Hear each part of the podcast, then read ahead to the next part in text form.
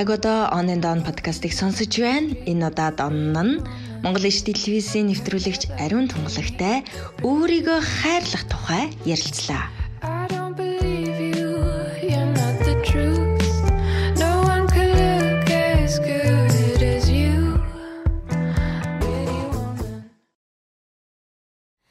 сайн байцгаана уу үзэгчдээ сонсогчдоо бүсгүүчүүдэд зориулсан On and On подкастын яг дөрөв дэх дугаарын цаг мөчид та бүхэнд хүрч байна. Тэгэхээр аа манай подкастын зорилгыг бол манай сонсогчид хэдийнэ мэдчихсэн байгаа. Энэ бол бүсгүүчүүд бид одоо гоё халуун яриа өрнүүлэнгээ бие биендээ ирчвч өгдөг байгаа. За энэ удаагийн зочноор хараад шууд мэдж байгаах одоо ичний монголоороо оглсон ариун наа маань ариун тунгалаг энэ удаагийн зочноор оролцож байна. Ариун надаа өдрийн мэнд хүргэе. Баярлалаа чамд өдрийн минь бас яг одоо чиний подкастыг сонсох туртай үргэлж одоо сонсож дэмждэг залуучууд бүсгүүчүүдтэй бас энэ өдрийн мэндийг хүргэе. Олон төрлийн хүмүүс үздэг байх гэж боддоо шүү дээ. Харин тийм ирчүүд бас сонсдог юм байлээ. Тийм дам бүсгүүчүүдэд гэсэн чинь. За өнөөдөр маш гоё өдөр болж байна л да. Өнөөдөр би бас яг 10 жилийн өмнөх энэ өдөр анхныхаа хүүг үлгэдэж авч ийлаа. Ээж болж ийлаа. Тэгээд ариун намаа баярлаа. 10 жилийн сюрприз олгочоод эхлүүлэхээр хийж байгаа тийм.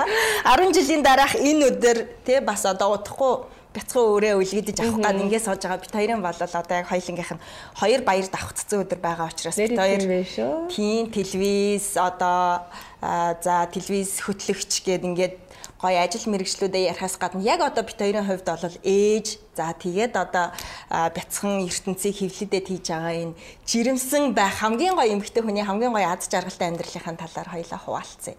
За тий баярлаа.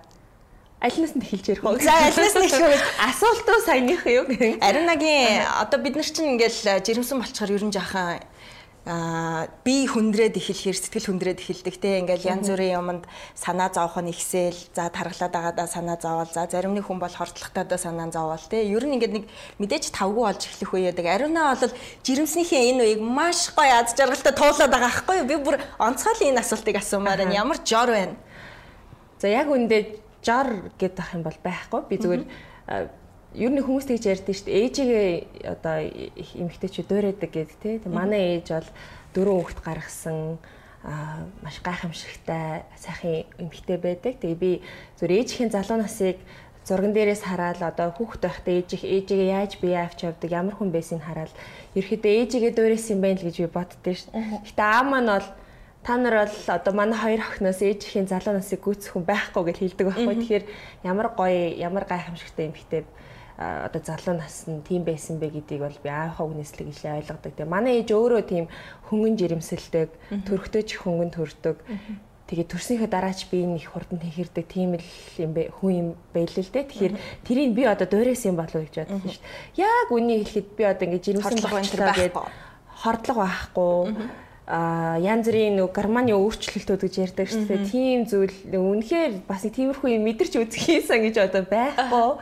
Дээрээс нь одоо би нэг жирэмсэн болчлаа гэдэг нэг эргэн тойрныхаа хүмүүс нэг жоох юм дарамт үзүүлдэг хүмүүс бүгдийг ингэж хэлээгүй л дээ нэг тиймэрхүү тохиолдол байдаг шүү дээ тий. Гарманы өөрчлөлт гарж ийн хит их халамж хайр хүсдэг ч гэдэг юм уу ингээд нэг юм бусдад төвөгтэй байхайг дургуй л дээ. Тэгээ өөрөө ч нэг тийм хөнгөн шингэн жирэмслээд байгаагаа өөрөө хараад өөртөө ч их баярлчаа. Тэгээд энэ яг нөгөө гэртээ зүгээр суухгүй зүгээр хайхгүйтай салбартай гэж магадгүй. Яг одоо юу юу хийж байна? За одоо тэгэл хийдэг юмгүй л их штэ. Гэр эзэгтэй ажиллаас эхлээл одоо өөрөхт ажиллаа хийн. Хувийн бас хэд хэдэн зүйл амжуулна. Ер нь би их зүгээр сувтургуу залуу жоохносоо л ер нь тийм байсан. Тэгээд энэ маань одоо ингээд давхар биетэй болсон хойно ч гэсэн энэ нөгөө нэг юм режим ер саалддгүй юм байлээ. Тэг хаяа бүр гизээ мартцсан явж идэв штэ. Нэрийнхэн зай манд машина шахад тавьчаа багтаж байгаа гэж гарахаар багтахгүй. Тэгээд өө би ч нэ юу илээ гэл. Тиймэрхүү тохиолдол бас байна. Гэтэ ер нь бол эмхтэн хүн а бүхэн л одоо ээж болдог тий ээж болдог жирэмсэлдэг өр хүүхэд төрүүлдэг. Гэтэ тэр үеийг гоё хамгийн гоё аз жаргалтай мөчөө гэж бодож тэр цаг хугацаагаа одоо хоёулаа байна шүү дээ тий ганцаараа биш хоёулаа тийм үеэ их гоё аз жаргалтайгаар туулж өнгөрүүлээсэ гэж би ер нь эмгтээчүүдэд тэр тусмаа жирэмсэн ээжүүдэд зөвлөмөр санагддгийн. Тэгээ надаас бас ганц нэг одоо сошиалар их хүмүүс асуугалаа л да. Инстаграмаар ч юм уу, фейсбүүкээр. Тэгэхээр аль болох гоё юм энэ жирэмсэн байх хугацаагаа өөр хүүхэд тээж байгаа энэ цаг мөчөө гоё аж жаргалтай өнгөрүүл өөрийнхөө дуртай юм хий дуртай одоо орчиндөө оч дуртай хүмүүстэйгээ уулз гоё тий хаана ямар гоё зүйл байна? Гоё сайхныг харж мэдэр гоё сайхныг сонс тэгвэл дагаад нөгөө одоо хөвлөд байгаа ураг хүүхдэд ч гэсэн нөлөөлнө? Ер нь л би өглөө хосготаал тэгж боддоо шүү дээ. Энэ хороо дээр яах гэж ирсэн те? Би гоёыг сайхан юмыг харах гэж сайхан юм сонсох гэж сайн сайхан зүйлийг мэдрэх гэж л ирсэн.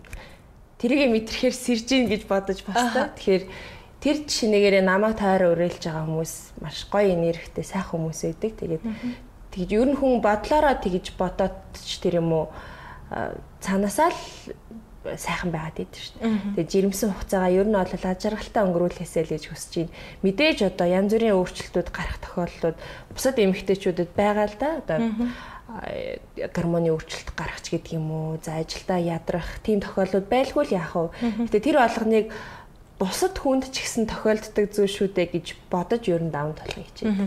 Хүндлэнгийн нүднээс харахад надад бол одоо арин нэг жирэмснийхээ үеийг хамгийн гоё авч явж байгаагийн хоёр жорыг би хүндлэнгийн нүднээс тодорхойлоод байгаа байхгүй нэг нь ном нэг нь аялал юм уу? Одоо байгальтайгаа их ойрхон байгаа болов гэж. Дандаа надтай хамттай байдаг юмнууд байна л да би одоо э, хүмүүс төгжрлэр юу хийдэг вэ гэд аюух ярьдаг штэ. Ингээ зарим хашигнал бараг төгжрлийн хугацаанд хоол энтер хийдэг энтер гэл ярьдаг штэ. Би бол одоо ингээд жолооны хаалганы хажуу талд нэг хайрцаг байдаг шүү дээ наашин татаангодог. Тэн дотор би дандаа ном хийж авч явдаг. Төвжирлээ одоо тооромсон дээрээ гიშгүүл гიშгээ эсвэл араагаа салгачаа би номоо уншаал суучдаг. Тэг нэг мэдсэн чинь нөгөө гэрэл мэрэл нас цаарай. Оо тэрийг яал зогцоод штэ хажуудаа хөөхтэй суулцсан байвал нөгөө эмхтэй үнийг юм төрөлхийн инстинкт гэдэг штэ бүх юмд зэрэг анхаарал хандуулж чаддаг чадвар зохицуулдаг. За тийм ажилласаа хамаарат бас телевизийн хүнд бас яг энэ чадвар суучт юм болов чамд бас бол байгаа гэж би бол итгэлтэй. Олон юм руу зэрэг анхаарал төвлөрүүл төвлөрүүлж чаддаг. Тэр утгаараа ер нь номд их дуртай. Тэгээ энэ энэ чанарыг маань манай аав суулгаж өгсөн маш их ном уншдаг. Ер нь хүнд ингээ хүүхдэд үлгэрлэх хэрэгтэй гэж ярьдаг штеп. Хүүхдээ хас мань л манайх маш их номтой. Тэгээд аа маань л байнга орой ажилласаа ирээл ном сонин уншиж болох юу вэ гэж бариас очдөг хүн байсан. Тэгээд би зүгээр харсаар байгаа л аа ингээд ном унших хэвээр юм байна гэд ер нь аавасаа сурсан учраас тэрэн зүр дадал болцсон юм шиг санагдав. Яг одоо ямар ном уншиж чинь? Ер нь одоо ном уншиж хэлснээсээ хойш хэдэн ном уншсан бэ? Ер нь тоолж үзснээс л цуглуулдаг уу? Аа, тоолж бол үзээгүй. Гэхдээ ингээд хаяа нэг ингээд нэг хуучин лагерт ч юм уу ингээ хуучин юм хум хадгалдаг хийхээ янзлах шаардлага гардаг шүү дээ. Аав ээж лагер дээр очивол кентнер дүүрэн гэл юм хом янзлах болол. За чи нэг юм ухаас суучхаараа салдгүй шүү нөгөө юм хийн гэсэн өн хийгээр гэл манай ээж аав тэгдэг. За тэгэл би номын хайрцаг онгоолгоол тэгэл өнгөрөө тэл өдөржин толгон дээр малгай тавьчаал өдөржин нөгөөдхөө ухаас суучдаг. Тэгэл ер нь хуучны намнууд маш их гаргаж ээж аавханд хуучны номын сангаас номнууд их цоглуулсан. Тэгээд нөгөө унших тусам юу гэдгийг дээ нөө номдоо тавих шаардлага гэдэг юм уу? Тэндэрсэд ном намаа сонгох сонголт хийж штэ тий. Өөр болоод байгаа. Тэгээ би ер нь түүхийн ном тэ хувь хүний одоо намтар тэгээд бас жоох юм гүн утга учиртай ном маш аягүй дуртай л да. Одоо ингүүл баяжин тэгүүл хөөрхөн болно гэдэг номд бол үнэхээр дургу. Зөв хуучны яг юм сонгодог одоо зохиолуудад арай юм үгийн баялагтай тийм маш гоё одоо сэтгэл төрүүлэхээр ном унших туртай. Тэг яг тийм ном уншсны дараа бол хэсэгтээ одоо тэрнийг одоо мууд гэж ярьдаг штэ. Ном уншсан тэр мэдрэмжээсээ гарч чаддггүй. Тэгээ үнэхээр таалагдсан ном байвал би яг номныхаа талаар нөгөө уншсан ревю бичдэг байхгүй юу? Тэг хит хитэн битсэн байдгийн зарим номоо уншаад уйлан дуулна янз бүр болно. Нэрэ бид нар чинь жирэмсэн байхдаа их ном уншдаг шүү дээ. Одоо э, яаж те жирэмснийхээ үеийг даун туулах эсвэл төрөөд одоо хүүхдээ Франц ээж шиг өсөх эсвэл Япон шиг өсөх үү юу юу гих мэтчлээ. За тийм төрлийн ном уншиж ерөн төрөлтөндөө хэр их бэлтэж 10 жилийн дараа төрөх гэж шүү дээ те. Одоо ёстой тийм ном уншдаг шүү дээ. Яг үнийг хэлэхэд нөгөө миний сонголтод ер тийм ном байдгүй яг зүгээр э, би бас зарим хүмүүсийн одоо бичсэн юмнуудаас харж байхад тэр хүүхэд өсгөх, хүүхэд хүмүүжүүлэх, хүүхдийг хүн болгох тэр зүйлийг бол хин нэг нь зааж өгдгүү гэдэгт би бол итгэлтэй байдаг. нэг төрлөх эмгтэн хүний их хүний нэг инстинкт байдаг шүү дээ. Төрлөх мэдрэмж гэж байдаг. Тэг би ингээ 10 жилийн дараа төрж байгаа. Ер нь бол нэлээд хол зайтай төрж байгаа. Тэгээд төрөх гэж байна. Тэгээд энэ хугацаанд яг л одоо охиноо яаж өсөж исэн тэр арга барил одоо бол надад буруу юм санагдахгүй байгаа. Үр дүнгийн өөрөө үзэн явж байгаа учраас хүүхдүүдэрээ тэр арга барилал барина да гэдэг.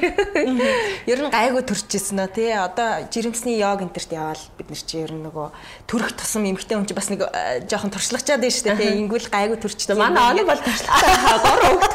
Төрөсөний яжаад одоо би юу юм. Ер нь тийм байдлаар бие бэлтэж байна.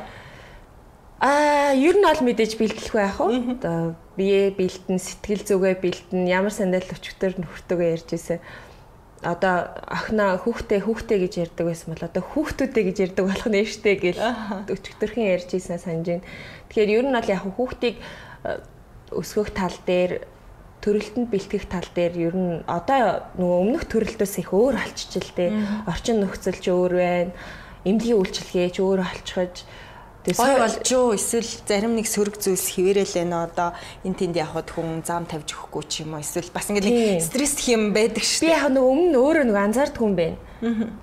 Өмнөх нөгөө жирэмслэлт маань гадаадд байсан л да нэг Шанхайд жирэмсэн байсан учраас тентгийн нөгөө орчин нөхцөл маш тайван юунаас ч ингээ айжчих шаардлагагүй тэг их тайван нөхцөл жирэмсэн байсан би одоо тэрийг айгүй их сайн одоо ялгааг нь харж ийн л да. А гэтэл одоо ингээ нөө ажил хийж аж ирсэн байж үзээгүй.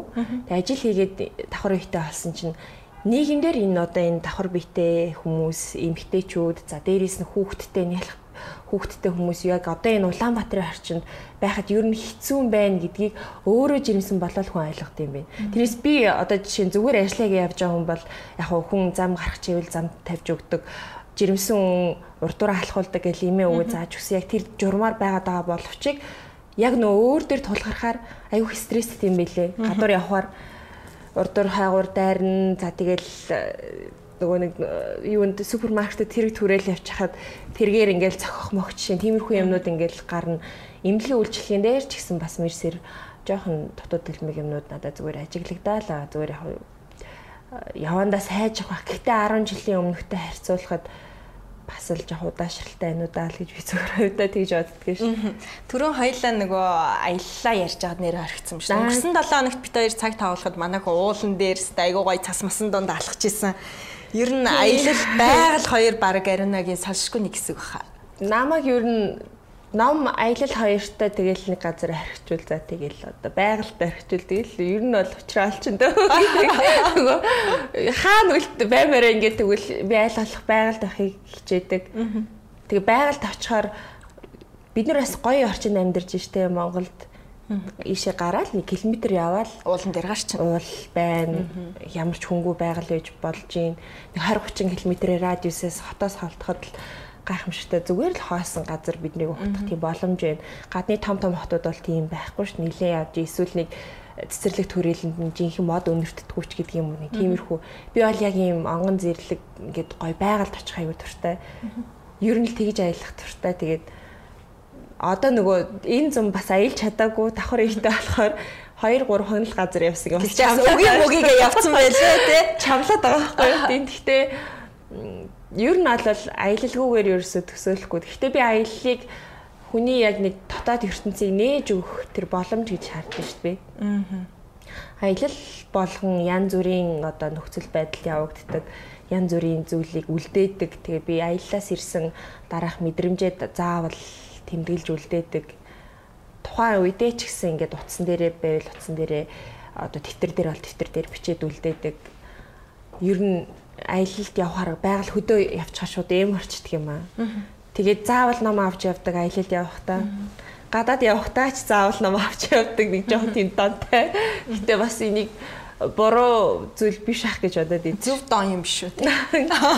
Зөв юмда түрөө нөгөө хоёлынгийн номын сонголтонд за ингээд илүү одоо амжилтанд хүрэх 10 алхам ч юм уу тий эсвэл хөөрхөн бүсгүй болох 30 алхам ч юм уу. За одоо тийм ном гэхээсээ илүүтэй бас нэг тийм гүнзгий номнод байгаад идэг. Би Ариунагийн бас номнуудыг харахаар ингээл ер нь ингээд номных нь ревю ч гэсэн айгу гүнзгий гүнзгий яагаад байгаа. Тэгэхээр би бас нэлээд тийм философик эсвэл одоо тийм шүтлэгтэй юм болов гэж би ер нь Ариунаг бодоод идэв шүү дээ. Мм тийм ер нь жоохон тийм утга учир тийм тайлал янз бүрийн тайлал шаардсан юм л унших туртай да. Тэгээд тэрийг уншихаар өөрөө их тийм гоё мэдрэмж авдаг л да.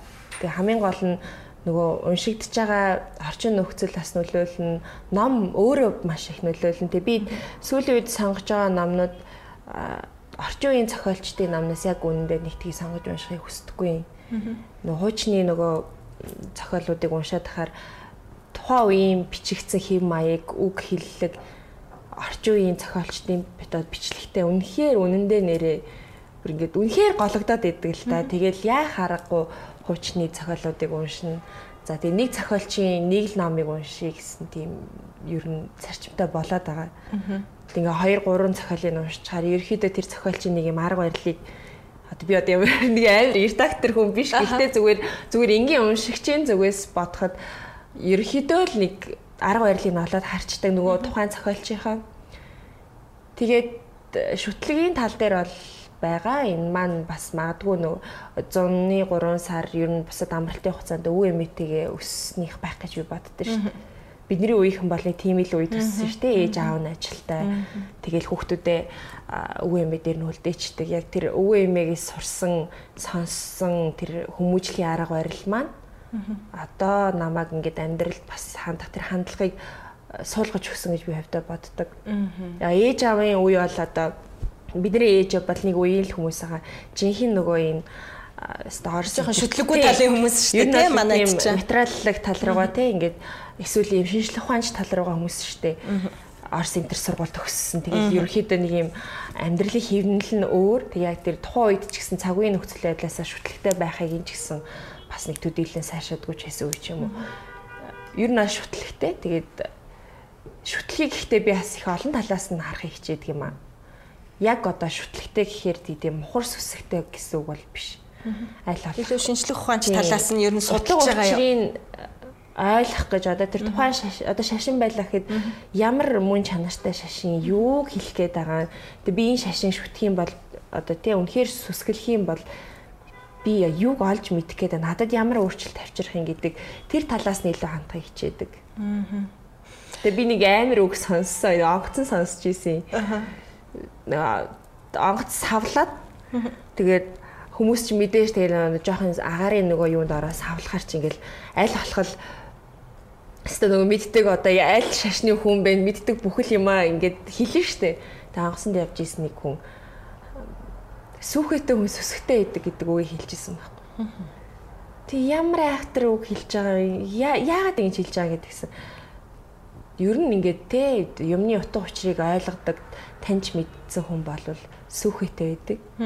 Тэгээ тэр сүхэнийхээ хэрээр сүсгтэй бас байдаг юм аа гэж хэлж исэн. Тэгээ би тэр үгийн тухайн үедээ ийм одоо арай жоохон өөр үгээр тайлбарлаж болох юм болоо да гэж бодож исэн боловч ер нь хожим бодоол яваад хахад бараг жоохон ширүүхэн хэлсэн л юм шиг боловч нэлээ үнний ортой үг энэ да гэж бодож исэн. Аа түрүү нөгөө өдөртөө их олон юм амжуулаад байгаа юм шүү дээ. Би одоо Аринагийн зарим хийгээд байгаа юмнууд бүр тоолтчлаа тийм. Хувийн бас зөндөө олон ажил амжуулж гин. За тэгээд улсынхаа ажлыг бас бас хийж байгаа. Эфиртэй үүрэгт ажиллаа хийм. Үүрэгт ажиллаа хийж байгаа. Тэгээд эмэгтэй хүнд чи үүрэгт ажиллаас гадна бас олон үүрэг байдаг шүү. Нөгөө айлын эзэгтэй байна, ээж байна. Сая хүртэл ингээд охин руугаа залгаад хамаг ажиллаа зохицуулаад тийм. Тэгэхээр энийг тэгээд дээрэс нь одоо давхар биетэй хүн энэ болгоныг ер нь амжуулахад ямар одоо дүрэн баримталж энийг ер нь амжуулж чадаад байна. Өглөөг ихлүүлэхээс эхэлж гэнэ үү? Эсвэл сэтгэл санаагаа өөдрөг байлгахаас эхэлж гэнэ үү?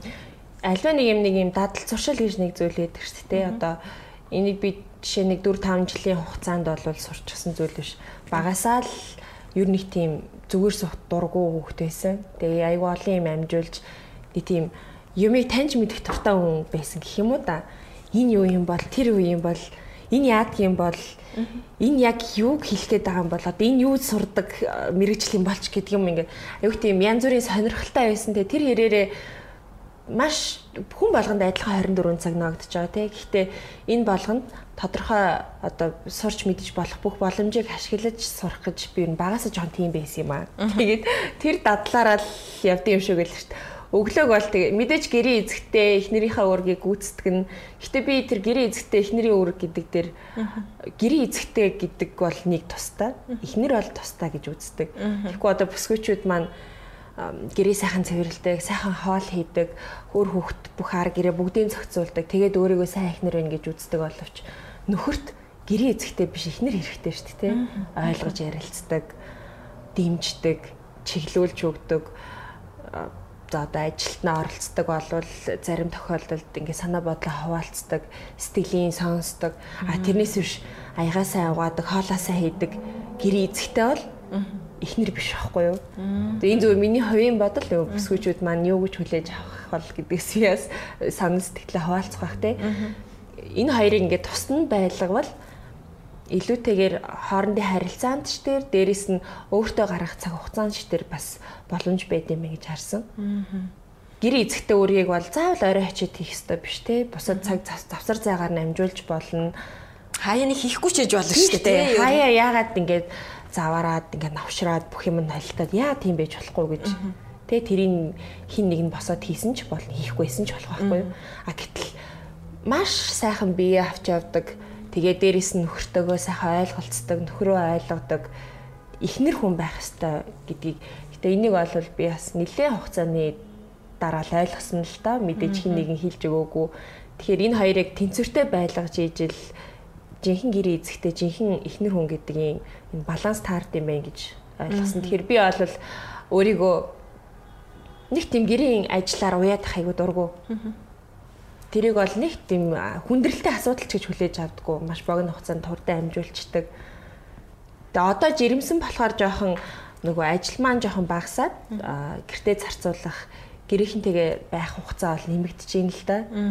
Манай онон бол одоо телевизийн хүн, эфирийн хүн ямар цаг хугацааг яаж телевизэд зарцуулдаг вэ сайн мэдж байгаа ах. Тэгээд хаяа бараг л гэрхинтэйгээ унтчихт нь гараад унтчихт нь орж ирэх тохиолдлууд ялангуяа баярын үеэр бол бүр ерөөсөө байдаггүй тий. Тийм одоо бүх нийтийн баяр бол одоо телевизийнхний хувьд бол чи хийд ажлын үе гэдэг ч тий хизээч баяраар бараг амарч үзээгүй 10 жил болсон байлээ. Тэгээд одоо нас амарч үзэх чинь Тийм тэгээд ер нь бол дадал зуршлаас л хамааралтай гэж би хувьдаа боддоо шүү дээ. Сайн ер нь ингээл өөрөө өөртөө дадал зуршил болгосон зүйл. Ариунагийн өөртөө одоо хөвшүүлсэн хамгийн зөв дадал зуршил өнөөдрийн ариунаг бүтээгээд ийм гоё ад жаргалтай амар амгалан тэгээ амжилттай байлгаад байгаа одоо ганц дадал зуршил нь юу байх вэ? Онцлоод хэлвэл. Жаа хувиа хичээсэн сонсогдож магадгүй. Гэхдээ өөртөө хайртай байх.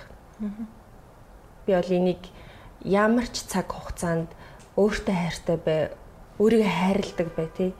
Чамайг хин нэгэн хайрлаж болно. Гэхдээ чи өөрийгөө хайрлаж байгаа шиг чамайг хин ч хайрлахгүй шүү дээ. Чиний юунд дуртайг, чиний юуг зордгийг, чиний зорилгыг, чиний мөрөөдлийг, хүслийг чи өөрөө л хамгийн сайн мэдж байгаа тий. Тэгэхээр тэрэндээ хүрэхийн тулд хүн өөртөө хайртай, өөртөө анхаарал тавьдаг л хэрэгтэй. А гэхдээ мэдээж дагалдах одоо зүйлүүд байлгүй яах вэ мэдээж дэмжиж дэмжиж одоо тусалдаг зүйлүүд мэдээж байна. Гэхдээ өөртөө маш хайртай байх хэрэгтэй. Өөрийгөө хайрладаг. Тэр тусмаа өөрийгөө хайрладаг ихнэр хүн, өөрийгөө хайрладаг эмэгтэй хүнийг хайрлахгүй ирэх хүн гэж бол байхгүй. Дэмжихгүй одоо хамт олонч гэдэг юм уу? Дэмжихгүй гэр бүл те найс нөхөд гэж бол байхгүй. Чи өөрийгөө хаялаа. За би одоо жирэмсэн болцсон юм чинь тэртээ тэргүүд харгална тий. Тэртээ тэргүү германы өөрчлөлт гарна. За тэртээ тэргүү ингээл үсгэзэг бүх юм унаал ингээд ингээд царай алтна гэж бодоол өөрийгөө гаруунд нь хаях юм бол тэгэл аа за за жирэмсэн эмхтэй ийм л байд юм байна. Нөхөр нь ч гэсэн тэгж бодсон шүү дээ. Аа за за жирэмсэн байхаараа ингээд тух цундар нь ч өөрчлөгдчихдээ юм байна. Өөртөө хандах хандлага нь ч өөрчлөгдчихдээ юм байна ингээд чамааг өөртөө яаж хандна?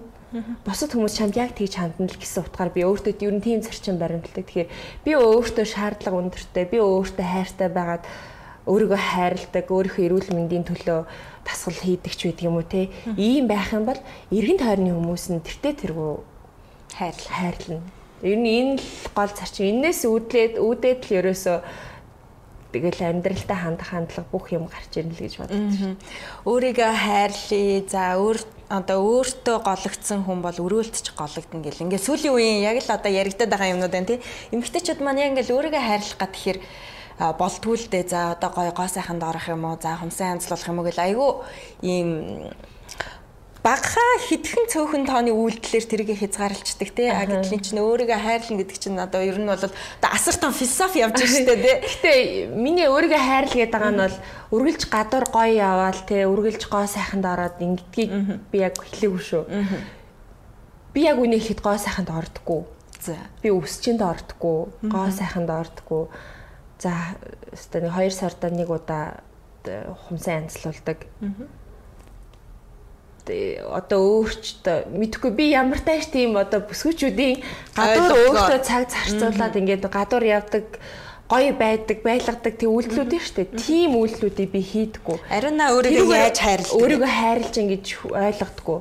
А би яаж өөрийгөө хайрладаг гэдэг миний тэр зарчим юу хэлээд байна вэ гэхээр өөрийгөө гоё амар тайван байлгах, дуртай юмаа хийх, дуртай цагтаа амарч чаддаг байх, тий. Дуртай цагтаа хүссэн одоо газар руугаа явж чаддаг байх. Зоригтой байх тий. Тэрийг ингээд биелүүлдэг байх. Чиний одоо миний одоо ном унших дуртайг манай нөхөр жишээ нь мэддэг байх. Би ингээ байгаль уул руу уул руу байгаль руу хөдөө явах дуртайг маань тэр хүн дэмждэг байх тий. Одоо хамгийн ойрын хүн гэдээ ярих юм бол Тиймэрхүү зүйл дээр нөгөө өөрийнхөө дуртай юунд дуртай вэ гэдгийг мэдчих юм бол тэрэн дээр л өөрийгөө хайрлаж хэлээ. Тэрнээс гоо сайхны салаанаар яваад дэлгүүрээр худалдан авалт хийгээд ингээд мөнгө үрээд одоо юу гэдэг юм бүсгүүчүүдийн нөгөө стрессээ тайлдаг тийм аргууд нь штэ тийм юмд би яг үндэ цаг зарцуулдаггүй. Надад яг үндэ тийм цагч гардаггүй. Хаа нэг өстө завсар цагаар ингээс орж хумсааж байгаа янзлуулвал янзлуулаад будахгүйсэн шаардлагагүй. Хумс будах будахгүй бол нэг тийм тухайн үний гоо сайханд ч юм уу нэг тийм амар том нөлөө үзүүлэхгүй шүү дээ. Тэгээ нөө телевизийн ажлын онцлог нөө баян одоо юм бэлтгэлтэй гоё явах гэхээсээ илүү байнга бэлэн байдалтай гэдэг утгаараа үс одоо нүүр бодол байнгын бэлэн байдалд байх гэдэг утгаараа би юу өсчинд орж өсөө зүгээр жоохон тэгшлүүш тайруулах ч юм уу тиймэрхүү л үйлчлэгээ авдаг бараг үсэндээ тас мас өгч ингэж одоо тим юмд цаг зарцуулснаас арай өөр зүйл цаг зарцуулсан дээр гэж боддог байхгүй. Тэгэхээр өөрийгөө хайрлах гэдгийг өөрийгөө эхлээ сонсоод үзээрэй. Би юу юунд дуртай хүн юм болоо. Би яавал ад жаргалтай яж чаддаг вэ гэдгээ эмгтээчүүд мэдчих юм бол тэрнээс үүдэлтэйгээр өөрийгөө хайрладаг болчихно. Тэгээд тэр хийдэг үйлдэлүүдийг чинь гэрийнхэн чинь нөхөр нь, найзууд нь хараад аа манай одоо ари чинь жишээ нь ийм ийм юмд л дуртай энэ тал руу чиглүүлэх юм бол тий энийг дэмжиж өгөх юм бол дуртай байдаг шүү, улам сэрэгдэг шүү гэдгийг хардаг болно гэх юм уу. Ариуна бит хоёр нэр бит хоёр нэг мэрэгчлээ те олон улсын харилцааны сургууль адилхан магистр төгссөн. Одоо энэ ажиллаараа нэрээ юу хийж чинь сонь сайхан. Аа сургууль орчмоо ер нь эргэж тойрч байна уу? Аа сургуулаараа бол очиж байгаа. Ганц нэг одоо багш нартайгаа уулзах үе байна. Аа гэхдээ би яг үннийг хэлэхэд нэг юм хүмүүс ингэдэж шүү багада ингээл хөтлөгч болох сонирхолтой үндсэн телевизийн хөтлөгч нарыг хараад тест би энэ хүн шиг л болно гэдэг ч юм уу тийм ингээд нэг мөрөөдөл байдаг штэ. Би одоо яг үннийг хэлэхэд хүмүүс гайхлах л та би ерөөс хөтлөгч болно телевизийн салбарт ажиллаж мөрөөдж байгаагүй. Үнэхээр мөрөөдж байгаагүй тийм хувь тавилан ерөөсөө ингээд энэ зам руу чиглүүлсээр хагаад оруулсан.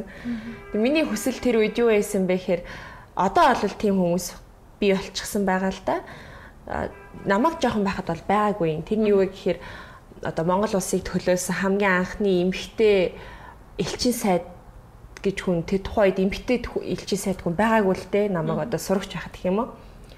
Миний хүсэл мөрөөдөл ер нь тэр байсан юм. Тийм учраас би одоо олон улсын харилцааны чиглэлээр суралцсан гэж мөрөөддөг байлаа. Тэгээд аялал жуулчлалаар сурч исэн. Тийм. Одоо аялал жуулчлалын хөтөж мэрэгчлэр сурсан тэр маань намайг аялал дуртай болгосон юм болов гэж боддیں۔ Тэгээд дээрэс нь бизнесийн удирдлага, маркетингийн чиглэлээр бакалавра хамгаалаад тэгээ урд хятадд Шанхайд сургууль төгсөөд тэгээ Монголд ирээд яг үндэ хүсэл мөрөөдлийнхөө сургуульд орохыг хүссэн л дээ. Тэг намайг ингээд оюутан болцсон гэж тэгсэн ч хүмүүс сэтгүүлч үү сэтгүүлч үү гэж тэгдэг. Үгүй би өөрөө хүслээр сургууль сарч байгаа гэл. Тэгтээ өдөр одоо тэр сурсан зүйлээ ажил хэрэг болгондоо гэхдээ ажил дээр бол маш хэрэг болж байгаа. Одоо юу гэдэг адлан үнтэй ярилцлага хийх тохиолдолд одоо тэр тэндээс сурсан зүйл маань мэдэж авсан зүйл маань багш нараасаа сонссон зүйл маань маш хэрэг болдог. Зөвхөн одоо нэг юм баригдмал одоо зүйл биш шүү дээ. Одоо мэдээллийн орон цай маш том байна. Маш олон мэдээлэл донд байна. Тэгэхээр энэ болгоноос бол зөвхөн одоо дотоод үйл явдал гэхээсээ илүү гадны улс орнд чухам юу болж ийн манай улс тэрэнд ямар байр суурьтай гэдгийг мэддэг байх нь бол миний сонирхлыг татдаг байсан учраас энэ салбарт бас дуртай. Тэгээ яванда одоо хувь тавилан чиглүүлэх юм бол тэгэл тийшээ зөвлөндөө. Нэрээ одоо яг ингээд сансан чинь Ариун Найт хоёр 10 хэдэн жилийн өмнө анх Шанхайд танилцчихсэн тий. Би бас тэгэхэд урд сурдаг байсан. Би бас аялал жуулчлаар сурдаг байсан. Тийм үү. Тэрний дараа бид хоёр харилцаанд бас ингээд тааралцсан. Тэгээ одоо телевизийн салбарт гээд нэр ингээд бодоод утсан чинь тэгээ 10 10 жилийн өмнө анхныхаа хөлтөг үлдсэн. Ингээд олон олон бас адилхан юмнууд байдгийн байна.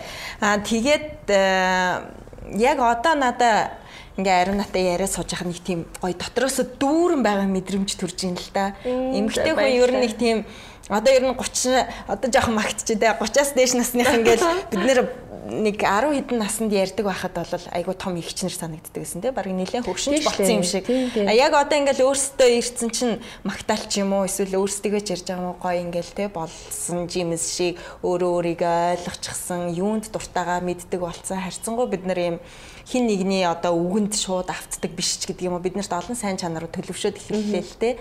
Тэгээ ажил амьдралаа сонгочихсон үр хүүхэдтэйгээд яг ийм чанаруудыг би бүр ингээд яг ариун натаа яриа сууж захта те. Өөрийгөө юунд дуртайгаа мэддэг, өөртөө хайртай хүмүүсээр өөрийгөө хүрээлүүлдэг гих мэтчлэн яг одоо ингээ айгүй гой гой чанарууд мэдрэгдээд байна.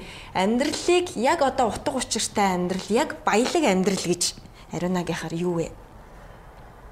Аа, ер нь бол яг өнөөдрийн амьдрал ерөөхдөө ингээд нэлээ юм нөгөө таймтай хариулт өгөх гээд байна л да. Гэхдээ би жоохон задлаад хэлэх юм бол утга учиртай амьдрал гэж өөрийнхөө амьдрсан амьдралыг хэлэх болов. Тэрийг бол юм дураар амьдрсан амьдрал гэж хэлэхгүй л дээ. Одоо мэдээж энэ амьдралын сонголт болгоныг би өөрөө сонгосон те. Эсвэл хин нэг нь чиглүүлж өгсөн гэдэг утгаараа миний сонгосон амьдрал учраас миний бүтээж байгаа миний дунд нь одоо ингээ оршиж байгаа амьдрал гэдэг утгаараа энэ байгаа амьдралынхаа энэ мөн чанар энэ одоо агуулгад нь өөрөө багтаж оршиж амьдарч чадж байгаа маань л одоо энэ гайхалтай тэр амьдралаа туулж байгаа нэг хэлбэр юм уу да. Гэхдээ мэдээж амьдралд янз бүрийн л одоо юу гэдэг сэтгэл хангалуун бус байх үе энэ төр байна. Гэхдээ би яг нэг юм амьдрал энэ төргээ ярьсан шиг айгу сонирм байна. Бас тэгж хэлэхээр одоо би юу гэмдэ мэдээж одоо ингээл амьдрал үзсэн янз бүрийн насны хүмүүс байгаа. Гэхдээ миний найзууд донд одоо жишээ надаас 5 6 ихч 4 5 ихч ингээл одоо янз бүрийн төвшний хүмүүс байдаг л да. Тэгээ би багасаа л өөрөөсөө ингээд ихч ах хүмүүстэй нэг сургууль сурж исэн гэдэг утгаараа ер нь нэг жоохон юмыг арай жоохон өөр өнцгөөс харах тэр нөхцөлийг жоохносоо сурсан болов. Тэг би аягүй дураараа хөхтэйсэн байхгүй юу? Аягүй ирэх. Айлын 3 дахь хөхт мөрт доороо дөвтөн штэ уг нь. 3 дахь хөхт мөртлөө бараг айлын баг хөхчийг тэгж эрхэлж өссөн. Тэгээд тэр хэрээр аягүй дураараа. Тэг одоо миний энэ амьдралтаа гаргасан шийдвэр болгон дандаа тэр өөрийнхөө тэр дураа шийдсэн шийдвэрүүд байдаг. Тэг би энэ ээж аавда одоо хүртэл баярлдаг. Яагаад гэвэл тэрэн дээр дураараа дээр нэмэхэд хүмүүжүүлсэн бааш таарж байгаа хгүй маш сайн хүмүүжүүлсэн. Ер нь олж хатуу гарын хүмүүжлэлээр хүмүүжсэн гэдэг маань ингээд чанга барьдаг байсан. А гэхдээ одоо буруу зам руу оруулаагүй гэх юм уу? Гэхдээ дураар нь ойлгодог байсан. Айгуу тийм нээлттэй өсгсөн болж таарж байгаа юм л да. Тэгээд ерөөсө бүх шийдвэрийг өөрөө гаргадаг байсан. Тэг хамгийн гайхамшигтай нь одоо шийдчихэд а дотор ингээ бодно шүү дээ нэг үйлдэл хийхээс өмнө шийдчихэд хариугаа өөрөө гаргачаад тэгээ тэрийнхаа дараа ээж автаа хэлдэг. Ингүүл тэгвэл яах вэ гэх асуух маягтай. Ализны шийдэ гаргачаад би асуух гол болохгүй шүү дээ. Тэр чинь жоохон ч байсан юм чи. Тэгээ асуухаар хаяа миний шийдвэртэй ижилхэн байна. Хаяа минийхээс эсрэг байна. Тэгээ эсрэг байвал Мм за би зүгээр асуусан юм а гэхдээ би шийтцэн гэд ингэдэг байхгүй тэгээ би тэр маань юу яг хിവэрэ амьдрал дээр би яг нөхөртөөгөө танилцаал нөхөртөөгөө хамт байх үедээ ч гэсэн яг тэр хаашаараа хилээд шийдчихэд дараа нь хилдэг байсан. Тэгээд тэрнээс болоод хаяа зөрчил гарах тохиолдлууд байна ярилцсангүй гэдэг. Тэгээд сүүлдээ болвол за за энэ хүн бол ингээд өөрөө шийддэг. Гэхдээ тэр нь буруу байдгүй гэдэгт итгэдэг учраас одоо хүртэл хамт идэг болов. Хэрвээ буруу байгаад мэдээж алдаж онох юм байна л да. Гэхдээ өөрөө өөрийнхөө гаргасан шийдвэрээр амьдарч байгаа учраас энэ амьдралын хамгийн гоё тэр баялаг гоё сайхан байгаагийн илэрлэл юм болов гэж боддог шүү дээ. Нөхөртэй харилцах харилцаа сүүл үед ч одоо нөгөө хосуудын хоорондын харилцаа гэж баг хичээл ордог болсон. Лекц мэгц авдаг боллоо шүү дээ. Одоо чи ер нь хүмүүс нөгөө харилцаага харилцаа гэдгийг чинь баг амьдралын нэг чухал зүйлгээ ойлгоцсон. Зөвхөн хайр сэтгэл байхаас гадна хүмүүс хоорондоо их мэдээлэл мэдлэгтэйгээр харилцах хэрэгтэй ойлгочихсон тий. Тэгээ хоёлаа сая ярьсан шүү дээ. Өөрийгөө хайрлаж байгаа өөрийнхөө тэр одоо дуртай зүйлийг зөвшөөрүүлж байгаа тийм байдалтайгаар хосын амьдралыг аз жаргалтай бат бөх авч явахын гол нууц нь юу юм бэ? Аа нууц нэмэгдэчд нэг жоох өөрийгөө золиослчих байдаг шүү дээ. Өөрийнхөө амбицийг байдаг юм уу, карьерийг байдаг юм уу, хүсэл мөрөөдлийг байдаг юм уу, аль нэг зүйлийг. Харин тийм би миний байгаа ерөөсөө гол санаа л ерөөсөө тэр өөрийгөө бити ерөөсөө хай те.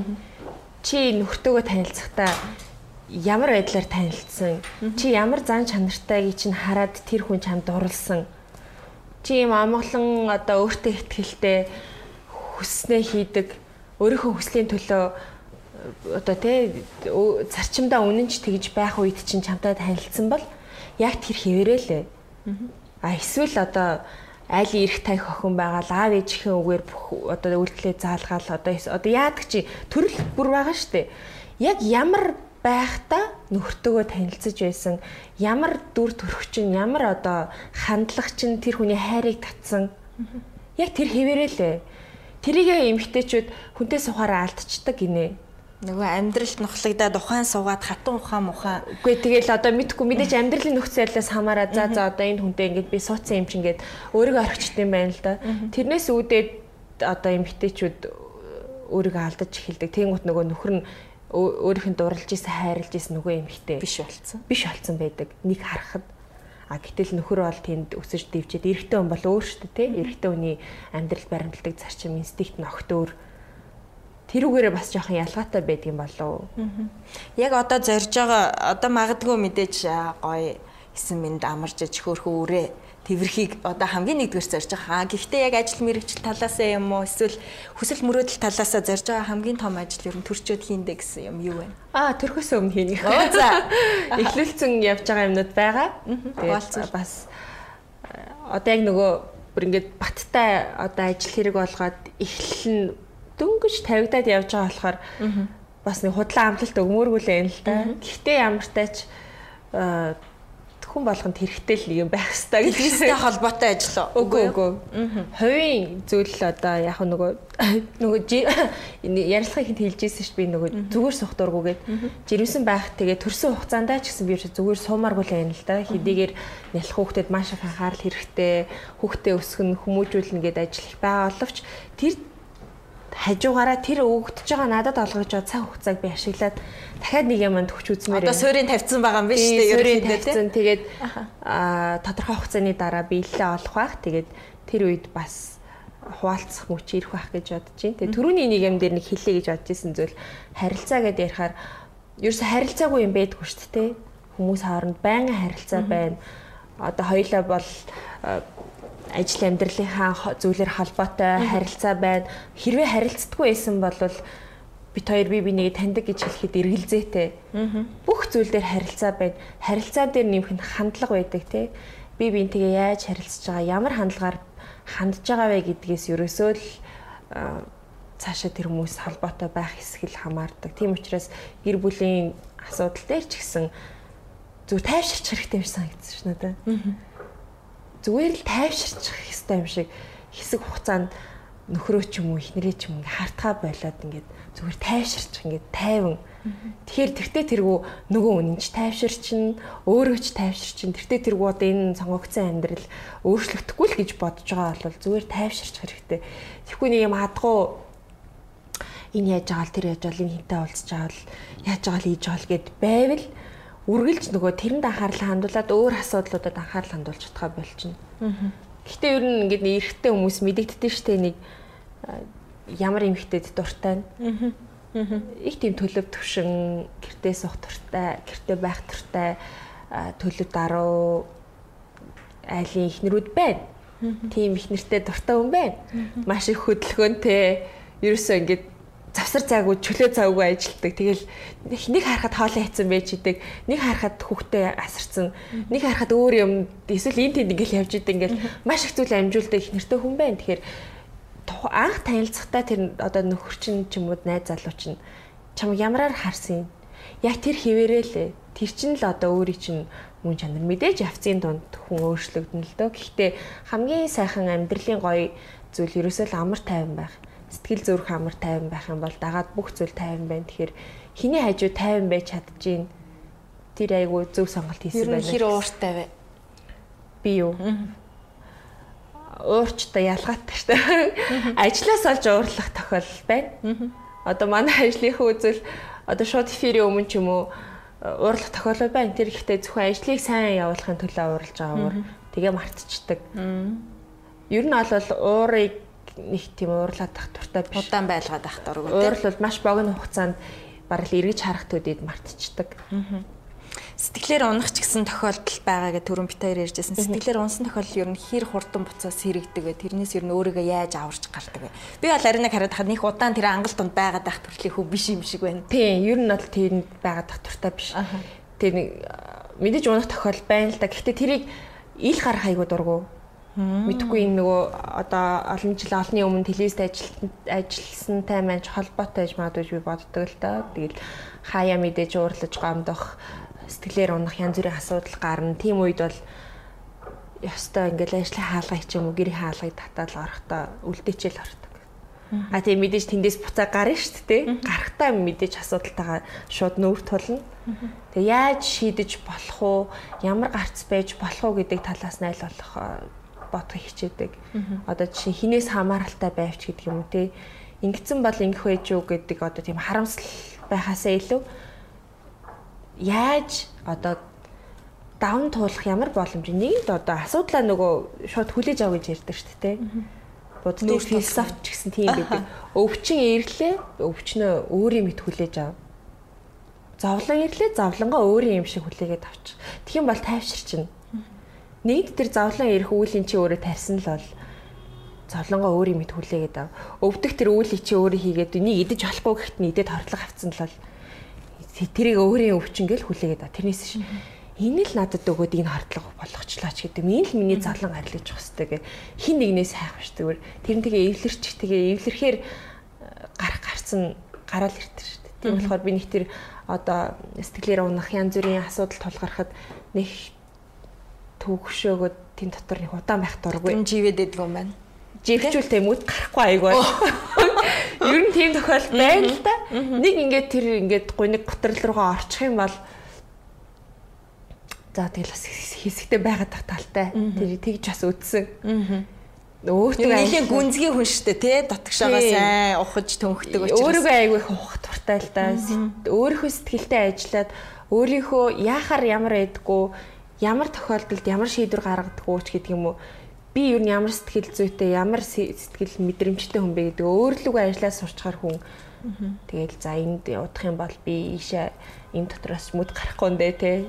Энүүхэн хавьд нь эрэг хаваар нь байчаа буцъя даач гэдэг юм ингээ тийм асуудалтайгаа одоо тулгарч агаад өөрийн болгож хүлээж авч байгаа л одоо давдаг да тэрнээс биш зарим тохиолдолд бол асуудлын нөгөө гарцыг өөр хүнээс хайх ч юм уу те. Хин нэгэн шийдэж өгөх эсвэл хин нэгийг шидтэн гарч шийдэж өгөөсэй хүлээх тохиолдлууд хүн болгонд л байдаг. Гэхдээ ийм үе би бол даваад арай өөр дараагийн шатанд гарчихсан явж байгаа юм. Тэгээ эн чинь мэдээж олон одоо дадал зуршлаас үүдэлтэй. Зарим нь номноос уншсан зүйл байна, зарим зүгээр амьдралын одоо болж байгаа үйл явдлуудаас тунгааж бодож сурсан ч зүйл байна. Хин нэг мэдээж миний тулсан амьдралыг туулахгүй учраас миний үтсэн одоо жаргал завланг идэлхгүй учраас би л гарахгүй бол анаа чи одоо ингэх юм бол ингэрээ тэх юм бол тэгэрээ гэвэл чи хүсгүй гэж болно шүү дээ тийм биш байж болно ш тэр гарцсан тэгэхээр өөртөөгөө л ажил сурах хамгийн чухал За Ариун Нот хоёр түрүүн анхныхаа хүүхдийг 10 жилийн өмнө төрүүлээд одоо бол ерөнхийдөө үр дүнгийг хараа явж байна те. Өсөж байгаа хүмүүжүүлж байгаа маань бас сайн байгаа учраас өнөөдөр бол одоо анхныхаа үр дүнг хараад амжилттай явж байна гэж. Тэгэхээр хүүхэд хүмүүжүүлэх арга барилаас хаваалцахгүй. Хүүхдийг ер нь яаж хүмүүжүүлэх юм бэ? Өөрөөр нь байлгах юм уу?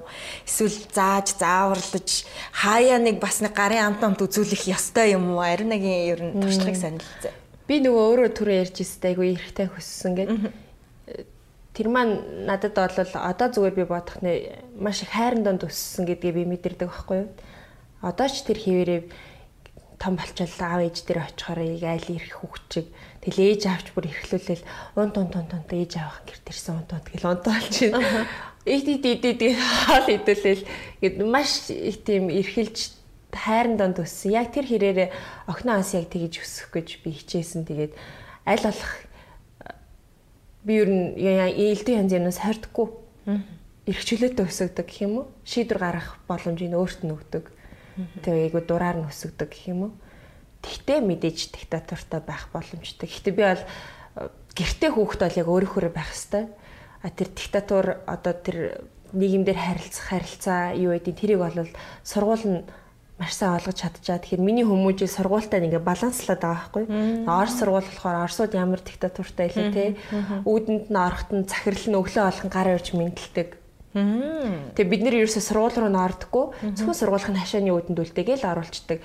Тэр хүүхэд ороод хувцаа газар хаяад орхих юм бол хичээлээ тарахад газраас л хувцаа авч өмснө. Тэрийг хин нэгэн зохицуулж өгөхгүй.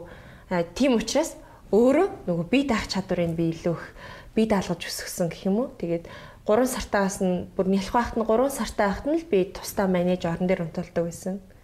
Яг би өөрөө айгу амар тайван баймаар штэ. Би сайхан унтмаар байна.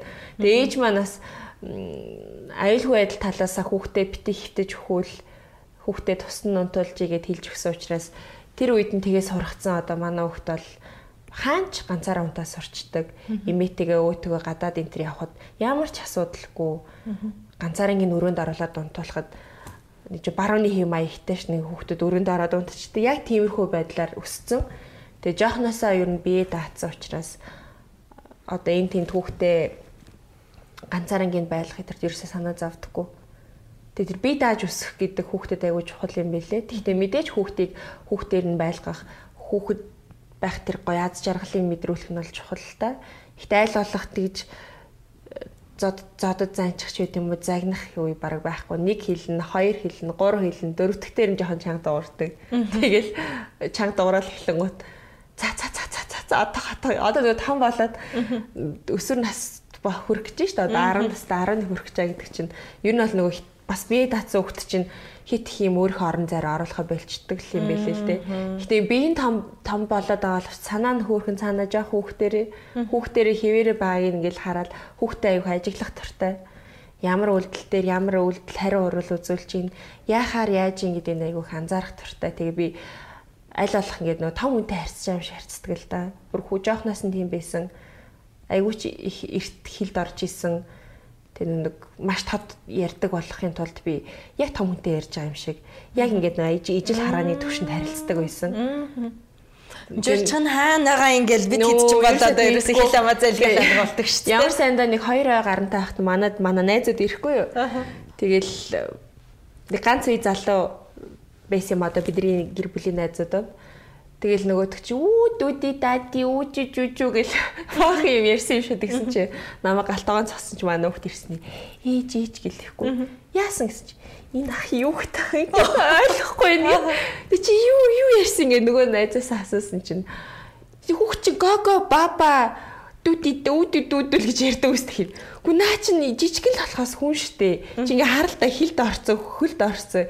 Чи зөв хүнтэй ярьж юм шиг ярилдаг за хизэд хийчихсэн ингээ гайхаад гүй чи яг том хүнтэй харилцаж байгаа юм шиг зүгээр ингээ хүнтэй ярьж ярьж байгаа юм шиг ярил та наач тэгээ яриа сурцсан юм а гэдгсэн чинь Оо тийм үечтэй явсаа ингээд би хүүхдтэй яг тэгж харилцдаг. Тэг хэзээ ч ингэж дээрээс ингэж харьцахыг хүсдэггүй.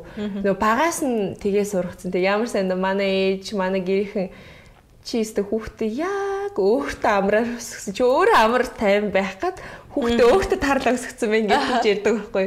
Тэг одоо бодоход нэрэлтгцэн юм шиг байна. Нэг хит их юм ээж нь ирэхгүй л бол ундтгүй хөвгт байдэн штэ. Ээж нь л одоо чиглүүлж өгөхгүй бол хоолоо иддэггүй тийм хөвгтүүд маш их байдаг. Би тийм байхыг хүсээгүй л дээ. Яа тэгвэл маш их ажилтай. Тэг өөрөө завгүй байдаг болохоор яг өөртөө харуулаад өсгцэн. Тэгэл яг жоохноос нэхлүүлээл одоо сандлан жижиг байх бол жижиг байлгаал яг суух хэмжээнд нь сандлын тамсгаал, ширэгийн тамсгаал, ширийн дээр хоол идүүлээ сургацсан ганцаараа хооллоод ингээд ширийн яад хизээч араас нь хөөж би хоол өгж үзээгүй. Яг ингээд нэг хүн ийм л ах хэвээр ийм зарчмаар хооллож, ийм зарчмаар унтаж, ийм зарчмаар өөртөө арчаатай байх хэвээр зарим нь өвлгөрлж харуулна, зарим нь хилж өгөө сургацсан. Одоо тэгээд аюу аим шүү надаас ер нь нэг тийм янз бүрийн одоо нэг өс байгаадаг ингээдэг ээж энийг л ингэхгүй бол би чадахгүй гэдэг юм байна. Аль болох өөрөө оролдож үзэж чадахгүй бол ээжээрээ хэлэгдэг ч юм уу. Нөхөртэй харилцах харилцаан тийм байх боломжтой юу? Одоо нэг ясанда нөхрийг тийм болгож сургах боломжтой юу? Ихнэрээ хараад тий одоо юу гэдгийг хоолоо хийхгүй тий ингээд э, хөрөгчөнд нь бүх юм байхад тий хийхгүй сууж ах юм уу? Эсвэл ихнэрээ авахгүйсэн ч өөрийгөө болгочдаг. Би бол ийм зарчим баримтлаа. Би тэрийг анх барагд нөхөртөө танилцахтаа л анх анх хэлжсэн. Тэгэл яг одоо ч тэр хэвээрээ байгаа. Тэгээ түрүүн би ярьсан штэ нөхчин чамаг ямар байхад чамтай танилцсан яг тэр одоо зан чанар өөрийнхөө өөрийгөө тэр боддог байдлаа тэрийг ахиулнуул гэхээс тэр төвшөөсөө бити буулга. Тэ мэдээж өсөж хөгжиж хүн өөрчлөгдөн. Гэхдээ анх ямар байсан анх өөртөө хэр арчаатай ямар зан характертай байсан тэрийг бити алд тэрийг ахиул а тэрээс биш тэрнээс тэр төвшөөсөө доошоо бити буу. Би яг нөхөртөө тийж ярьдаг байсан байхгүй анх танилцал найз залуутай болцсон гэсэн үг шүү дээ. Найз залуутайгаа чиний утас бол чиний утас. Миний утас бол миний утас. Миний имэйл хаяг бол минийх, чинийх бол чинийх. Би чинийх рүү орж үзэхгүй, чи минийх рүү үзэхгүй тий. А гэхдээ би чамаас утсыг чи хэрэглэх болохгүй гэж аваад хэрэглэнэ. Чиний компьютерыг ашиглах бол одоо нууц үгүй чинь чамаар хийлгээд би хэрэглэнэ чиний мэйлээр би мэйл явуулах баг шаардлага гарахгүй л дээ уусаа гарч байгаа ч хөө явуулах бол чамаар ингээд чиний оролцоотой ингээд хандна. А дундын юм бол дундын байх. Хувийн орон зайруу чинь би хаалтахгүй. Чамаг найз төгттэйгээ уулзахт чинь би яг чаа их чаа гэхгүй зүгээр удалгүй тэдэн цаг хідэн цагт ирхий чинь л асуу. Тэгэл хийсэн цагтаа л ир. Тэгэл ингээд юм чөлөөтэй. Тэгхгүй бол зарим хүмүүс одоо Facebook нь ихнэр ихнэртэй найстайгаа бичээтэй гэсэн чинь нөхөртөөч бичиж яах шүү тий. Бараг хүүхдэн ч орж бичээд ах шиг юм уу тий. Тийм хөл тохиолдол байдаг штэ. Ингээд хит ийм бэби нэрүүгээ ийм давж орсон харилцаа. Эргээд тухайн хүний орон цаг байхгүй болгочдөг. Тухайн хүний хувь хүн гэдэг тэр мэдрэмжийн байхгүй болгочтой юм шиг санагддаг. Тэгээ би өөрөө тийм байх хүсдэг учраас нөхөртөө би яг тэгж ханддаг. Тэр эрхчлөөг нь бас олгодог байх нь шүү дээ. Тийм. Тэгээ тэр чинь мэдээж хязгаартай шүү дээ. Чи эрхчлөөтэй бай гэл дураар нь тавиад явуулчихж байгаа гэсэн үг бол бас биш. За. Э ер нь аль жоо хартчихсан байх гэж хичээдэг.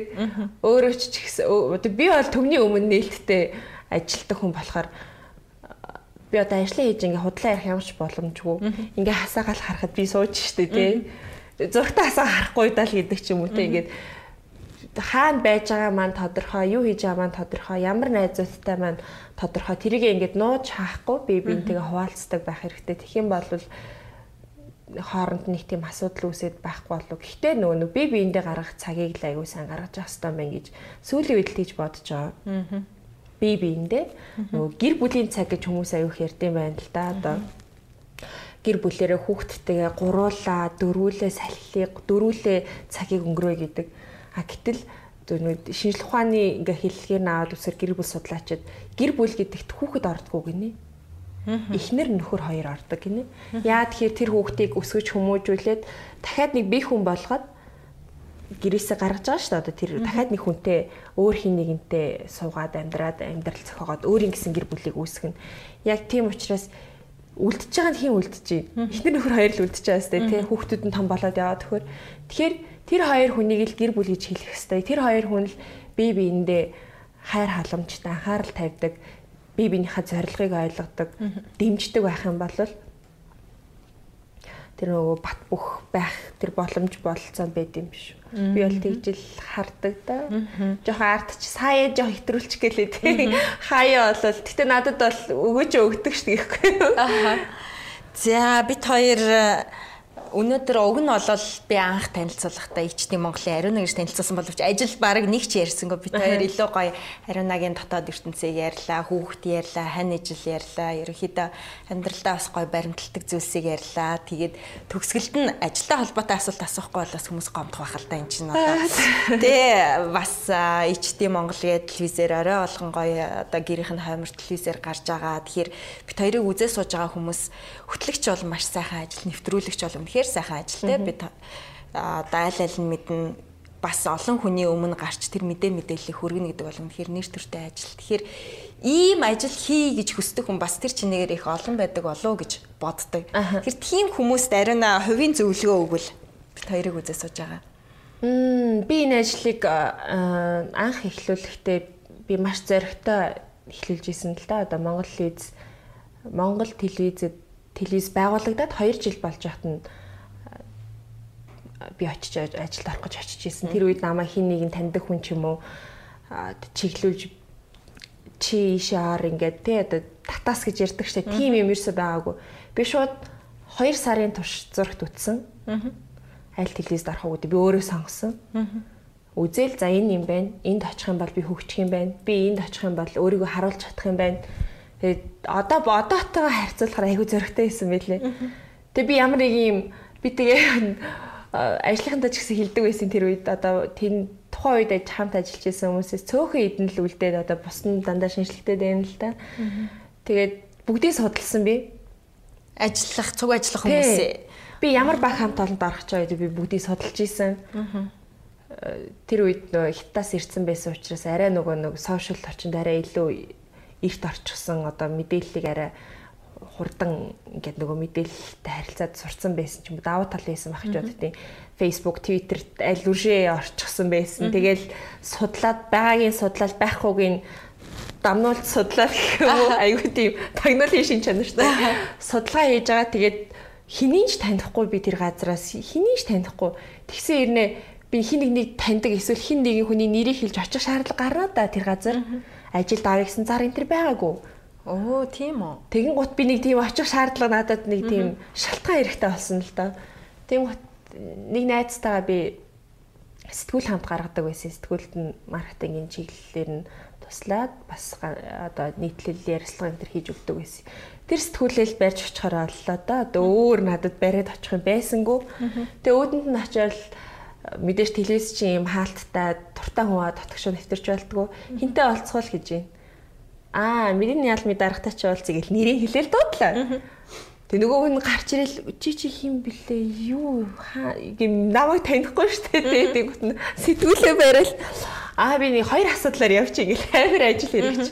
Нэг нь энэ сэтгүүлтэй холбоотой. Тэр бол зөвхөн миний тактиклээс юм л да. Хоёр дахь нь бол би танил хэлсийг сонирхож явж байна. Тэгээ би ингээд ийм мэржлийн хүн биш. Гэхдээ би ингээ ажиллаж исэн надад туршлага сурсан юм байна. А намайг шалгаад үзээч би ажилд орохсон юм а гэж шууд хэлж исэн тэр үед маанх тэгж хүний сонсоод тэр хүн бол одоо шоконд орс дараа надад хэлчихсэн бүр амар зөрөгтэй ингэж хэлж ирж исэн үнэттэй уулзж исэн тохиол байгаагүй гэж хэлдэг. Тэгээд би ерөөс 14 14 хоногийн дотор Монгол эзэд ажилд орж исэн тэр үед. Тэг чи юу хийх юм? Би мэдээний хөтлөгч юм. Би шууд нэвтрүүлэг хөтлөнө. Намайг шалгаад үз. Би сар мар туршилтаар явахгүй намайг 7 хоногийн дотор би шалгуулад өөрийгөө мэдрүүлээд тэгээд одоо би өөрийгөө шалгуулаад тэгээд ажилд оръё. Хүсвэл намайг хүсэхгүй бол би өөр газар очиж ажилд орно. Амар тийм зоригтой би бол тэрийгэ зориг гэж үзээд байгаа юм л да. Одоо би хаа нэг газар очиод хизээч тэгж хэлж чадахгүй. Тэгээд магадгүй тэр үед миний заргийг ч үнэлсэн байж магадгүй үнэхээр бас э, ингээ хөгжүүлээд аваад явбал боломж байгаа юм байна гэж харсан байж магадгүй тухайн үед намайг бол ажилд авсан. Яг миний хүснээр 14 хоногийн дараа би жинхлэгдэжсэн 7 хоног туршилтаар.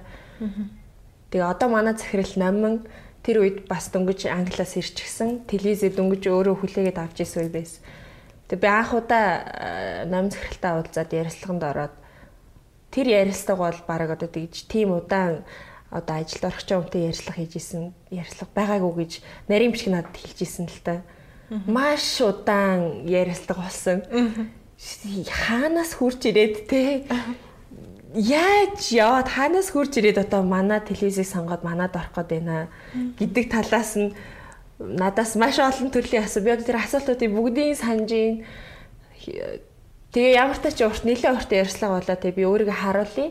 Би зүгээр суралцъя, би чаддаг болмоор байна, харуулмаар байна гэд би маш өөртөө ихтгэлтэйгээр хэлжсэн. Тэгээд тэрийг манд дэмжиж одоо энэ олон жил намайг дэмжиж ингээд өсөж хөгжөхөд дэмжлэг үзүүлсэн. Би тухайн үед хамт ажиллаж исэн. Одоо ч хамт ажиллаад ажиллаж байгаа хамт олондоо бас баярлалаа гэж хэлмээр санагддаг л та. Тэрнээс биш би одоо юу гэдгийг сургуулийн төгсөөгүй. Одоо сэтгүүлч мэрэгчлээ биш. Дээрэс нь одоо юу гэдгийг одоо яг энэ телевизийн салбарын бол одоо мэрэгчлээ хүн биш л дээ. Гэхдээ өөрөө өөртөө ихтэй байгаад өөрийгөө хөгжүүлж чадсан маань өдий зэрэгтэй авахт манадад туссан юм болов гэж. Тэр хоёулынгийн нөгөө зөвлөгөө юу боллоо? Ерөөсөө телевизээ сайн судлаад ажилчдыг сайн Миний зүгээр гол хэлгээд байгаа санаа юу гэхээр хэрвээ дуртай байвал таны нас хүйс одоо тэ эрэгтэй ч үж болно, эмэгтэй ч үж болно. Дур дуртай байгаад надад нэг ийм одоо ийм чиглэлийн ажил мэрэгчлээ болох чадвар байна гэж хэрвээ харж л байвал яагаад өөрийгөө сорж үзэж болохгүй гэж. Би зүгээр энэ өөрийнхөө түүхээр сорилтонд орсон байхгүй би тухайд. Тэгээд хэрвээ дэмжигдээгүй бол би магадгүй улам ингээд тавшлаад байх байсан ч байж магадгүй эсвэл болоод өөр чиглэлээр явах байсан ч байж магадгүй. Тэгэхээр хамгийн түрүүнд хийх алхам чи ерөөсөө үнэхээр хүсчихвэл тэрнийхээ төлөө зориглоод үзээл гэж хэлнэ. Гэхдээ хөтлөгчийн ажлыг битэж хамлаараа энэ бол маш хэцүү, маш том хариуцлага үүрэг даалгавар нэг үг үйлдэлийг буруу хийхдээ л агуулгаар нь буруу болгочих тийм магадaltaй учраас би гэхдээ ажилдаа аюу хайртай. Тэгээ тэр хэрээрээ би ажиллаа маш хүндэлдэг. Тэр одоо мэдээний студийн ширээний ард дуртай хүн очиж сууж чаддггүй учраас үн цэнтэй гэж би үздэг байхгүй. Тэгэхээр одоо ингээл маш олон хүн тэр ажлыг сонирхож байгаа. Гэхдээ дуртай нь очиод тэрний ард суугаад ингээд хөөхөн царилаа сууна гэж бол байх. Би тэр бол хөөхөн хүн хийдэг ажил гэж боддгоо. Маш олон талын мэдлэгтэй, чадвартай бусдыг сонсох чадвартай санаагаа илэрхийлэх чадвартай хүнээс яг тоочны те хүсэж байгаа одоо хариулт авах. Хариулт нь л чухал болохоос миний асууж байгаа асуулт тэр хүнд чухал биш. Одоо үзэгчтэй ч чухал биш. Хариулт нь нийгэмд тэр урьж авчирсан хүн юу гэж хэлэх гэж байгаа нь хүмүүс чухал гэх мэтчлээ. Тэгээ олон чадвар шаарддаг. Тэгэхээр зөвхөн хөөхөн одоо ингэ зөв төрхтэй гэж ярьдэн шүү дээ. Эфирийн зөв төрхтэй тэдэс тэдэн насны гэдэг тэр шаардлагыг би бол манай ажилд хамгийн уур тавих хэрэгтэй зүйл гэж бол бодохгүй байна. Тухайн хүн өөрөө энэ ажлыг хийх хүсэл мөрөөдөл байгаа цагт бол тэгээд тодорхой хугацаанд хүн боловсрдаг чадвар суудаг. Тэгэхээр магадгүй энэ мэрэгжлийг сонгохыг хүсэж байгаа хүмүүс байдаг бол ер нь бол энэ ажил мэрэгжлийн онцлогийг эхлээд ойлгочих хэрэгтэй. Цаг завгүй байдаг хариуцлагатай байдаг. Тэгээ маш шаргуу тэгээд маш хурдан мэдээлэл дүн шинжилгээ хийж анализ хийж хариу урвал үзүүлж чаддаг байх. Хөрвөх чадвартай байх. Богино хугацаанд гид ярьж байгаа зочин ярихаа ойлчвол яах вэ? Ярмааргүй болчих магадгүй шүү дээ. Тэг ингээд чимээгөө суулгаад иж болохгүй шүү дээ. Тэгэхээр хөрвөх чадвар тэр одоо юу гэдг юм бэ? Тухайн нөхцөл байдлыг аварж гарах тэр чадварч гэдэг юм уу? Богино хугацаанд тэр чадварууд аягүй чухал гэдэг учраас сориод үзээсээ тэгээд үнэхээр болохооргүй байна гэдэг зүйл байвал арай өөр зүйл рүү өргөж эхлүүлэх юм тий. Хуурамч ихтгэл өмчлөө өөртөө байлгаад ах хэрэггүй л гэж бодод. Ер нь хүсээ дэвэл сориод үзэх хэрэгтэй. Сориод үзэхэд мэдээж буруутах зүйлгүй ах гэж бодож. Аа хоёрт нь болохоор манай одоо нэвтрүүлгийн яг уламжлалт асуулт. Ерөнхийдөө бит хоёрыг за бүсгүүчүүд үзээд маш их урам авч байгаа гэдэгт би бол итгэлтэй байна. Яа тэгэхээр эмгтээчүүд чинь нэг тийм хүний одоо лекц хичээл гэхээсээ илүүтэй ингээ хоёр таньдаг хүн хоорондоо уулзаад ярьж байгаа нэг тийм халуун дотн ярианаас ингээд сэтгэл хөнгөрөх бол хөнгөрөөд ирч хүч авах бол аваад ингээ нэг тэр битэл одоо сошиал дээр яриад байгаа хэвээр сайн найзуудтайгаа 7 хоногт нэг удаа уулзчих гэнэ яаж ич гэнэ. Тэгээ баг тэрүүн шиг. Тэгэхээр эмгтээчүүдийн эмгтээ хүний нэг тийм онцлог байна л да. Ингээ уулзаа суухтаа маш гоё ирч хүч авдаг. Хоорондоо өөрийн мэдлгүүл ингээл мэдээлэл солилцсон тэгээ туршлага солилцсон явж идэг тэгэхээр бит хоёрыг бас үзээд маш олон одоо эмгтээчүүд бүсгүүчүүд маань тэгж байгаа ах гэж бодож байна а бит хоёр бол сая маш олон гоё зөвлөгөөнүүдээ хэллээ. Яг одоо боддоор жишээ нь өнөөдөр за бие давхар байж болно эсвэл ажил хайж байгаа байж болно эсвэл өөрийгөө олох гээд байж байгаа байж болно эсвэл нэг ууралчаад уураад арч чаддгүй байж болно. Яг ийм байгаа нэг эмэгтэйд хоёлаа хэрвээ боддоор нөлөөлөё гэвэл ариунагийн зүгээс юу хийж чадах вэ? Гоё унсан номноос хуваалцдаг ч юм уу эсвэл гоё ярилцаа суудаг ч юм уу? надтай уулзаасаа гэж хүсэж байна би зөвөр бусдыг сонсож бусадтай харилцах их дуртай л да. Хүн болгонд өөрийн гэсэн ийм орон зай, өөрийн гэсэн өгөгдөл өгдөг шүү дээ. Тухайн хүний орчин нөхцөлч өөр, өгөгдөл нь өөр, орон зай нь өөр, бодол сэтгэж байгаа нь өөр. Эхлээд сонсоод тэр хүнтэй би ярилцаж үзмээр санагддаг. Тэр нөө ажил маань ч онцлогтой хүмүүстэй маш их ярилцлага хийдэг, ярилцдаг ажил учраас уулзаад үзвэл хэрвээ үнэхээр одоо би сэтгэлд нь багтаад энэ хүнээс бас хэрэгтэй юм сонсож чадах болоо гэж бодож байгаа байвал уулзаад үзмээр санагдчихээн. Тэгээд чөлөөтэй санал бодлоо хуваалцаад уулзахад бол татгалзах зүйл. Ер нь ямар э, одоо тэ статустай бүсгүүчүүд байвал зүгээр гэрэлсэн гэрлээгүй хүүхдтэй хүүхдгүй наас тэр бол хамаагүй. Би би бол аль болох дөнгөж одоо амьдрал төхөл алхаж орж байгаа залуу бүсгүүчүүд байвал тухайн үед би надад ингээ хилээд өгөх ихч ч юм уу те? Би би дээр хоёр ах таахгүй хилээд өгөх ихч хилээд өгөх одоо чиглүүлээд өгөх ментор гэж ярьдаг шүү дээ. Одоо тэгж ярьдаг л болоод байна л да. Тийм хүн тухайн үед надад ингэж хэлсэн бол би тэгвэж үү гэж харамсахгүй л дээ гэхдээ ер нь зүгээр арай илүү байх боломж байсан байна гэдгийг би зөв одоо хараад байгаа хгүй тэгэхээр өөрийнхөө хамаатны үеэл дүүнэртэй ч гэсэн бас чадлаараа хэлж өгдөг. Инх юм бол Тэ чи миний амьдралыг хар, намайг хар тэ. И их чихэн амьдралыг харж байгаа шийдвэр гаргаад үз.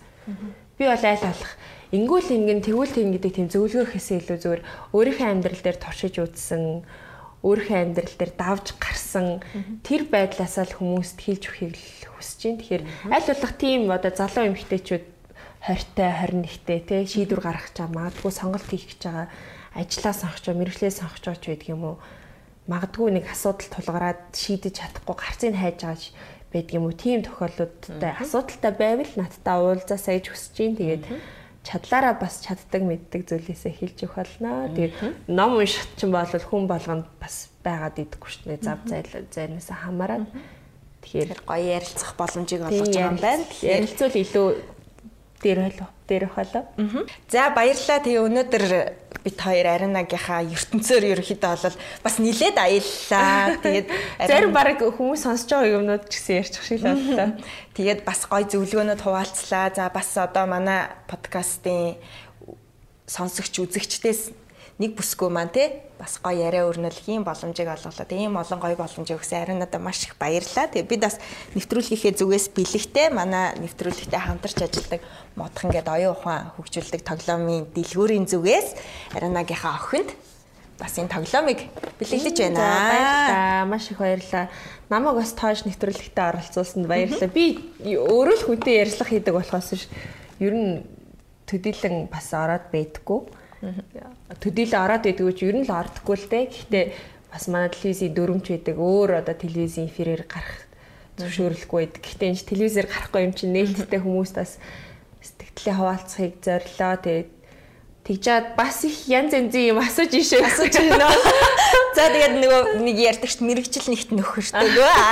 Ууцх сайхан байлаа. Тэгээд удахгүй бас гоё бяцхан ертөнцийг хүлээж авах гэж байгаад нь амжилт төсөө эсэн минь амарчсныхан дараа өр хүүхэд нь гоё тэг хүн хүлээж авдаг басныхан дараа очноо. За тэгээрээ маш их баярлалаа. Ондоо бас амжилт төсөө мундаг ажил эхлүүлээд явж байгаа юм байна. За баярлалаа. За бидэнтэй хамтаас үзэгч сонсогчдоо маш их баярлалаа. On and On подкастын шинэ дугаар танд хүрлээ. Танд амжилт төсөө баяр таа. Баяр таа. Нэвтрүүлгийг дэмжигч модхон дэлгүүр